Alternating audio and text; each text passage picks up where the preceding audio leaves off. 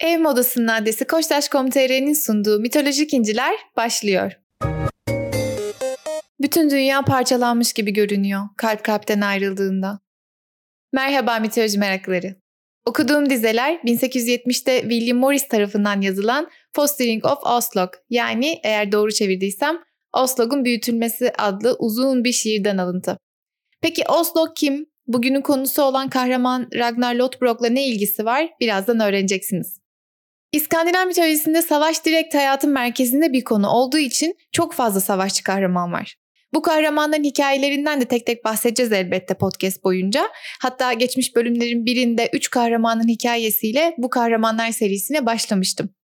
Ama bu kahramanların içinde birkaçı diğerlerine kıyasla çok daha fazla öne çıkıyor. Mesela ejderha katili Sigurd, mesela Ragnar Lothbrok. İşte bu bölümde size Ragnar Lothbrok'un hikayesini anlatmak istedim. Hatta aslında Ragnar Lothbrok efsanesiyle ejderha katili Sigurd efsanesi de birbirine bağlanan efsaneler ama bölümü fazla uzatmamak için şu an sadece Ragnar'a odaklanacağız. Ara ara örnek veriyorum. Bir 2013 Kanada-İrlanda ortak yapımı olan Vikingler dizisi de Ragnar'ın hikayesini ele aldı. Tabii biraz değiştirerek ama bence birçok açıdan çok güzel anlattılar. O yüzden Ragnar'ın hikayesi popüler kültürde de öne çıktı. Şimdi geçelim hikayemize. Bu hikayede adını duyacağınız başlıca önemli karakterler şunlar. Ragnar Lothbrok, Thora, Kraka veya diğer adıyla Oslok, Erik, Agnar, Kemiksiz Ayvar, Demir Yüz Björn, Hvitserk, Ragnvald, Yılan Gözlü Sigurd ve Kral Ela. Ragnar Lothbrok, Danimarka kralı, savaşçılığıyla ünlü bir Viking. Thora ve Kraka onun farklı zamanlardaki eşleri. Erik, Agnar, Ayvar, Björn, Hvitserk, Ragnvald ve yılan gözlü Sigurd Ragnar'ın oğulları, Kral Ela da İngiltere kralı. Hikaye şöyle. Gotland kontu Herod'un Tora adında bir kızı vardır. Bu arada Gotland İsveç'e bağlı bir ada hatta Baltık denizinin en büyük adası olarak görünüyor. Kont Herod bir gün kızına altından bir yatak üstünde bir çayır yılan armağan eder. Hangi kültürde bir baba kızına oynasın diye yılan armağan eder ya? Tabii ki İskandinav mitolojisinde. Neyse Tora bir Viking kızı olarak seve seve bu yılanla oynar. Zaman geçer, yılan büyür. O büyüdükçe üstünde durduğu altın yatak da büyüyordur. Her gün bir adam yılana yemeğini getiriyordur. Ama zamanla yılan o kadar büyür ki eve sığmaz olur. O büyüdükçe altın yatak da büyümüştür. Ama yılan artık neredeyse tüm evi sarmıştır. Ev halkı evde yaşayamaz olmuştur. Yemeğini getirmekle görevli olan adam da ona artık her gün bir öküz getirmek zorunda kalıyordur. Ve tabi yılan büyüdükçe vahşileştiği için yanına görevli adamdan başka kimse yaklaşamaz olmuştur. Sonunda Kont Herod bu vahşi ve masraflı yılanı öldürecek birini aramaya başlar. Bunu başarabilen adamla kızını evlendireceğini ve çeyiz olarak da yılanın altın yatağını ona vereceğini söyler. Ama bu devasa yılanın ünü her yere yayılmıştır. Kimse onu öldürmeye cesaret edemiyordur. Biri dışında. Danimarka kralı Sigurd Ring'in oğlu Ragnar. Zaten Danlar Vikingler içinde en vahşi olanları olarak biliniyorlar. Ragnar yakışıklı olmasının yanı sıra çok cesurdur da. Küçüklüğünden beri kahramanlıklarıyla ün yapmıştır. Ragnar, Kont Herod'un ilanını duyunca gözleri parlar. Orada giyeceklerini bir gece önceden kaynayan bir çukurda bekletir. Sonra bu çukurdan kaba tüylü pelerinini ve pantolonunu alır, giyer ve kontu ziyaret eder. Ragnar yılanı görünce direkt mızrağını saplayarak onu öldürür. Tabi yılan onun üstüne zehrini püskürtmeden ölmez. Ama kaba tüylü kıyafetleri Ragnar'ı korumuştur. Bu yüzden Ragnar'a Lotbrok lakabı verilir. Lotbrok kaba pantolonlu, işte kaba tüylü bir şey giymiş anlamına geliyor. Yani Ragnar Lotbrok kaba pantolonlu Ragnar demektir. Bu olaydan sonra Kont Herod vaat ettiği gibi kızı Tora'yı Ragnar'la evlendirir. Bu birliktelikten Ragnar ve Tora'nın iki çocukları olur. Erik ve Agnar.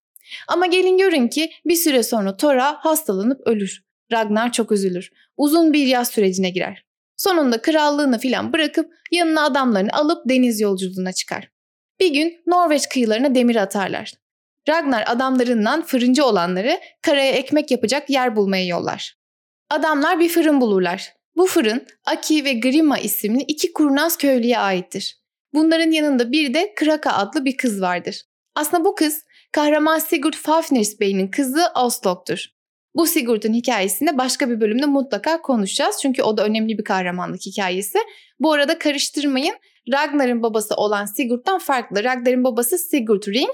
E, Oslog'un yani Krakan'ın babası Sigurd Fafnirspeil. İkisi farklı kişiler.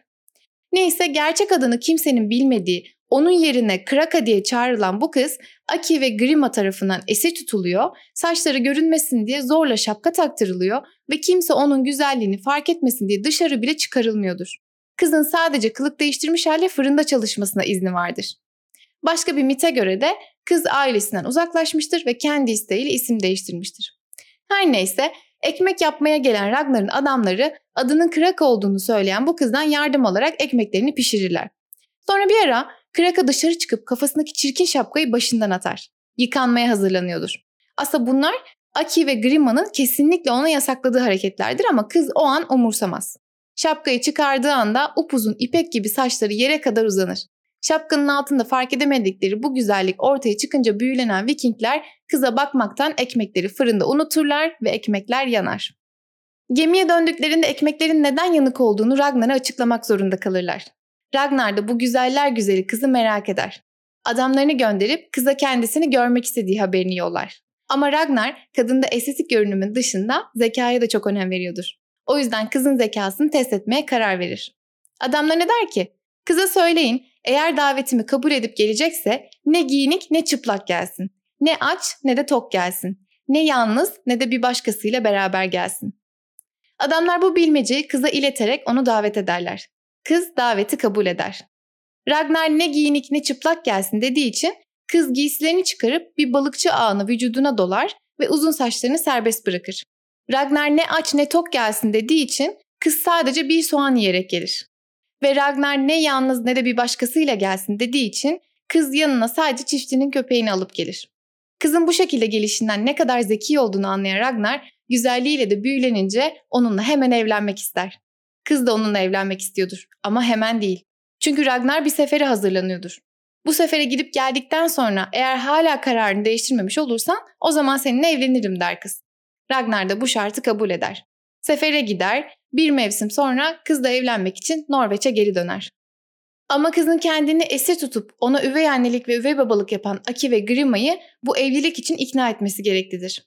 Kraka yani asıl adıyla Oslok izin vermeleri için onları tehdit eder. Sizin kim olduğunuzu, kralı nasıl öldürdüğünüzü ve nasıl şeytanca işler karıştırdığınızı çok iyi biliyorum. Eğer beni Ragnar'la göndermezseniz foyanızı ortaya çıkarım. Ama beni bırakırsanız sizi affederim, intikam peşine düşmem, der. Aki ve Grimma korkup kabul etmek zorunda kalırlar. Ragnar ve Kraka Danimarka'ya, Ragnar'ın krallığına giderler ve orada evlenirler. Kraka diyorum hala, Oslok demiyorum. Çünkü kız aslında kahraman Sigurd'un kızı Oslok olduğunu Ragnar'dan ve başka herkesten gizlemeye devam ediyordur. Ragnar onu basit bir fırıncı çiftin kızı diye biliyordur hala. Ragnar ve Kraken'ın dört erkek çocuğu olur. Kemiksiz Ivar, demir yüz Björn, Hvitserk ve Ragnvald. Gördüğünüz gibi Vikingler dizisi her ne kadar inanılmaz güzel bir dizi olsa da edebi hikayeleri birebir yansıtmıyor. Dramayı artırmak için uyarlamışlar. Dizide Ragnar çiftçiyken sonradan kral oluyordu ama edebi metinlere göre zaten o bir prens. Dizide Björn onun ilk evliliğinden, Lagertha ile evliliğinden olan çocuğuydu. Burada ikinci evliliğinden olan çocuğu. Neyse bu dört çocuğun hepsi cesur çocuklardır ama kemiksiz Ivar'ın lakabının kemiksiz olmasının bir sebebi vardır. Bacaklarında kemik yoktur. Sadece kıkırdak vardır. Aslında Ivar doğmadan önce Kraka gelecekten haber olarak bunun olacağını öngörmüştür. Eğer evlendikten sonra biriyle beraber olmak için acele ederse ilk çocuğunun kemiksiz olacağı lanetinden haberdardır. Üstündeki bu laneti Ragnar'a anlatır ama Ragnar bu kehaneti hiç umursamaz. Onunla bir an önce beraber olma isteğini dizginleyemez ve 9 ay sonra kehanet gerçekleşir. Ayvar bacaklarında kemik olmadan doğar. Yürüyemiyordur. O dönemin savaşçı ve vahşi topluluğunda bu kadar önemli uzuvları olmadan yaşamak ne zor bir şeydir değil mi? Herkesin kas gücü ve cesareti kadar değer gördüğü bir toplumda sen yürüyemiyorsun bile. Ama Ayvar kimseden geri kalacak bir çocuk değildir. Çünkü çok keskin bir zekası vardır. Her durumda aklına mutlaka bir çözüm gelir. Kurnaz bir karaktere sahiptir. Sıkıntılı bir durum olduğunda kardeşler Ayvar'ın tavsiyesine uyarlar. Ayvar aynı zamanda çok gözü karadır ve savaş hırsı olan bir vikingdir.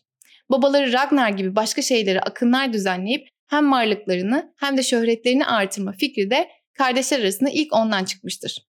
Ama baskınların birinde Ragmad adlı kardeşleri ölür. Bu arada bir gün babaları Ragnar arkadaşı olan İsveç kralını ziyarete gider. Eystein adındaki bu kral biraz garip bir adamdır. Bir ineğe tapıyordur ve ona kurbanlar sunuyordur. Vikinglerde 9 farklı türden kurban sunulur tanrılara bu arada ve bu türlerden biri de insandır. Çok ürkütücü değil mi? Neyse işte bu kral o ineğe tapıyordur. Söylentilere göre bu inek korkunç ve büyülü bir inektir. Savaş sırasında ordunun en önünde yürüyüp düşmanlara korku salıyordur. Ragnar bu kralı ziyaret eder çünkü kral onu bir ziyafete davet etmiştir. Ziyafette kralın güzel kızı da bulunuyordur ve katılan krallara içki servisi yapıyordur. Kızın güzelliğine herkes hayran kalır. Ragnar'ın adamları onun aklını çelerler. Kraka'yı boş ver, bu kızla evlen. Baksana bu kız da çok güzel. Hem de Kraka gibi basit bir fırıncının kızı değil, bir kralın kızı.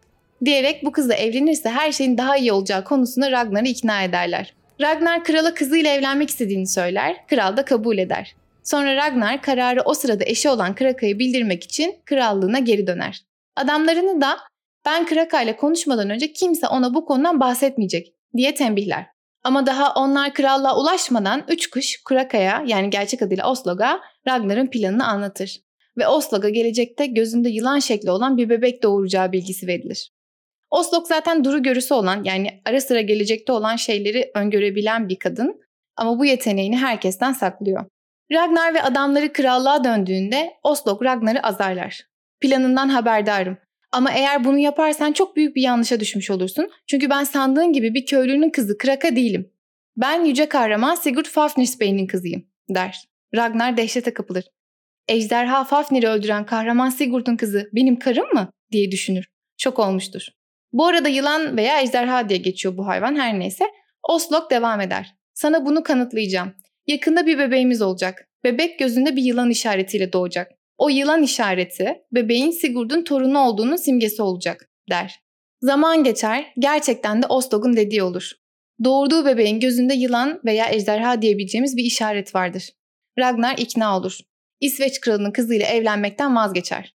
Oslok'la evliliğini bozmanın akıllıcı olmadığını düşünür. Çünkü gelmiş geçmiş en büyük kahraman olan Sigurd Fafnisbey'in kızı olan Oslok'la evli olmak, İsveç prensesiyle evli olmaktan daha üstün bir seviye anlamına geliyordur. Ama kızına ümit verip ziyafette herkesin önünde onunla sözlenen Ragnar'ın sonradan sözünden dönmesi İsveç kralının canını çok sıkar. Çünkü bunu kızına ve kendisine bir hakaret olarak görüyordur. Yakın arkadaşlar olan İsveç kralı Eystein ve Ragnar artık düşmanlardır. Sonunda İsveç sınırında savaşırlar. Ragnar'ın büyük oğulları Erik ve Agnar bu savaşta kralın taptığı büyülü inek tarafından öldürülür. Bunu duyan kraliçe Oslok oğullarını intikam almaları için kışkırtır. Çocuklar İsveç'e akın düzenleyip kralı öldürürler. Efsaneye göre bu akını Oslok yönetiyordur. Ama daha sonra orayla yetinmez, akınlara devam edip birçok yeri yağmalarlar. Hatta Roma'ya doğru ilerliyorlardır ancak Roma'nın ne kadar uzakta olduğunu kestiremiyorlardır. Bir gün bir gezgine Roma buradan ne kadar uzakta biliyor musun diye sorarlar. Adamın hem ayaklarında hem de sırtında iki çift demir ayakkabı vardır. Adam bakın der. Bu ayakkabıları Roma'dan buraya gelirken eskittim. Çocuklar Roma'nın ne kadar uzak olduğunu anlayıp oraya akın yapmaktan vazgeçerler, Danimarka'ya dönerler. Şimdi kısa bir mola verip size bölüm sponsorumuz Koçtaş.com.tr'den bahsedeceğim. Şimdi evlerde Koçtaş.com.tr moda. Koçtaş.com.tr çeşitli kategorilerde artık yüz binlerce ürün ve Koçtaş güvenceli yüzlerce satıcısıyla evinize güzellik katıyor. Koçtaş garantili nakliye ve montaj hizmeti, ödeme kolaylığı ve çeyrek asırlık Koçtaş güvencesiyle sizleri bekliyor. Siz de hemen Koçtaş.com.tr'ye gelin, evinizde modayı keşfedin. İnce yüz koduyla ilk 500 lira üzeri alışverişe 100 lira indirim Koçtaş.com.tr'de. Kampanya 30 Eylül'e kadar geçerli. Kaçırmayın. Bölüm sponsorumuza teşekkür edip hikayemize devam ediyorum. Bu sırada babaları Ragnar tahtında uslu uslu oturmaktan sıkılmıştır. Oğulları gibi akın düzenleyip ünlü ün katmaya devam etmek istiyordur. Buradaki oğulları gibi vurgusu çok önemli çünkü Ragnar şöhrete çok meraklı bir adam. Oğullarının kendisi gibi cesur ve savaşçı olmalarından memnun olsa da onların kendi kahramanlıklarını gölgede bırakmasından korkuyordur. O yüzden yaşlanıp bir kenarda durmaktansa savaşmaya devam etmeye karar verir. Adamlarına iki devasa gemi inşa etmeleri emrini verir. Gemiler öyle büyük olmalıdır ki krallığın tüm adamları ona sığmalıdır. Bu iki gemiyle İngiltere'yi fethetmeye ant içer. Ama kraliçe Oslok ona Ragnar tüm adamlarını bu iki gemiye doldurmak yerine orduyu birkaç küçük gemiye böl der. Bu arada ordu dediğime bakmayın. Vikinglerde pek ordu düzeni olduğu söylenemez. Genelde iyi savaşan düzensiz topluluklar halinde saldırır onlar. Yani lafın gelişi ordu diyorum. Ragnar kraliçenin önerisini hiç umursamaz. Yani antik dönem ataerkilliğiyle sen elinin hamuruyla erkek işine karışma kadın diye düşünüyor olabilirsin de kadın geleceğe görüyor be arkadaşım. Hey, hiç mi korkmaz? Oslok yine de kendisini dinlemeyen kocasına kıyamaz. Ona onu tüm yaralardan koruyacak bir gömlek hediye eder. İngiltere'ye düzenlenen bu akında iki gemi de karaya oturur. Ragnar ve adamları gemiden kurtulup karaya çıkmayı başarırlar ama gemiler kullanılamaz haldedir. O yüzden herhangi bir aksi durumda geri çekilme şansları olmayacaktır. O dönemde İngiltere çok büyük bir krallıktır. İngiltere kralı Ella, Vikinglerin işgalini duyunca sayıcı onlara çok üstün geleceği bir ordu kurar ve Viking ordusunu kırıp geçer. Ragnar da esir düşer. Kral Ella onu yılanlarla dolu bir çukura attırır. Ama karısının hediye ettiği gömlek sayesinde Ragnar yılanların ısırıklarından etkilenmiyordur. İngilizler durumu anlayınca gömleğini çıkartırlar ve yılanların ısırıklarıyla Ragnar ölür. Ölmeden önce şunları söyler. Yaşlı domuzun çektiği acıları öğrenince yavru domuzcuklar kim bilir nasıl homurdanacak. Yani oğullarının intikamını alacağını söylüyor Ragnar burada. Ragnar'ın ölümünden sonra oğullarının Kral Ella'dan intikam almak isteyeceği çok muhtemeldir. Çünkü bu bir onur meselesi olmuştur. O sırada Danimarka'da kendi krallıklarında olan Ragnar'ın oğullarına babalarının ölüm haberini Kral Ella'nın adamları kralın emriyle bizzat gidip verirler. Çocuklara eğer kabul ederlerse intikam peşine düşmemeleri için Kral Ella'nın bir kefaret ücreti ödeyeceği de söylenir. Ella adamlarını özellikle tembih etmiştir. Tüm bu haberleri verdiğiniz sırada çocuklar ne tepki verirse çok iyi gözlemleyin. Geldiğinizde bana detaylıca anlatacaksınız der. Adamlar haberi verdiğinde çocuklar hep bir aradadır. Adamlar babalarının ölüm haberini verip İngiltere'ye dönerler. Kral Ella sorar. Çocuklar ne tepki verdi? Adamlar şöyle anlatır. Efendim, biz gittiğimizde Ayvar bir tahta oturuyordu. Bitserk ve Sigurd satranç oynuyorlardı. Demir yüz Björn o sırada bir mızrakla uğraşıyordu. Onlara krallığımıza yaptığı sefer sonrası babaların öldüğünü söylediğimizde Björn mızrağı fırlattı. Öyle sert fırlattı ki mızrak ikiye bölündü. Witserk elindeki satranç taşını parçaladı. Sigurd o sırada tırnaklarını kesmeye başlamıştı. Haberi duyduğunda parmağını kemiğine kadar yardı ama tek bir ah bile demedi. Kemiksiz ay varsa hiçbir şey yapmadı. Sakince bizi sorguya çekti. Babasının ölümünün detaylarını sordu. Kral Ella şaşırır. Nasıl? Hiç mi öfke göstermedi? Adamlar cevap verir. Hayır. Sadece yüzünün rengi soldu. Onun dışında çok normal davrandı. Kral Ela, içlerinde korkmamız gereken sadece ay var der. Yani öfkesini dışarı yansıtanlardan korkmaz, öfkesini göstermeyenden korkar. Kral Ela'nın adamları gider gitmez kardeşler kendi aralarında öfkeyle intikam planları yapmaya koyulurlar. İngiltere'ye saldırıp Kral Ela'yı öldüreceklerdir. Ama içlerinden sadece Ay var, bunun akıllıca olmadığını savunur. İngiltere'ye saldırmayalım kralın teklifini kabul edelim dese de kardeşlerini bu kez ikna edemez.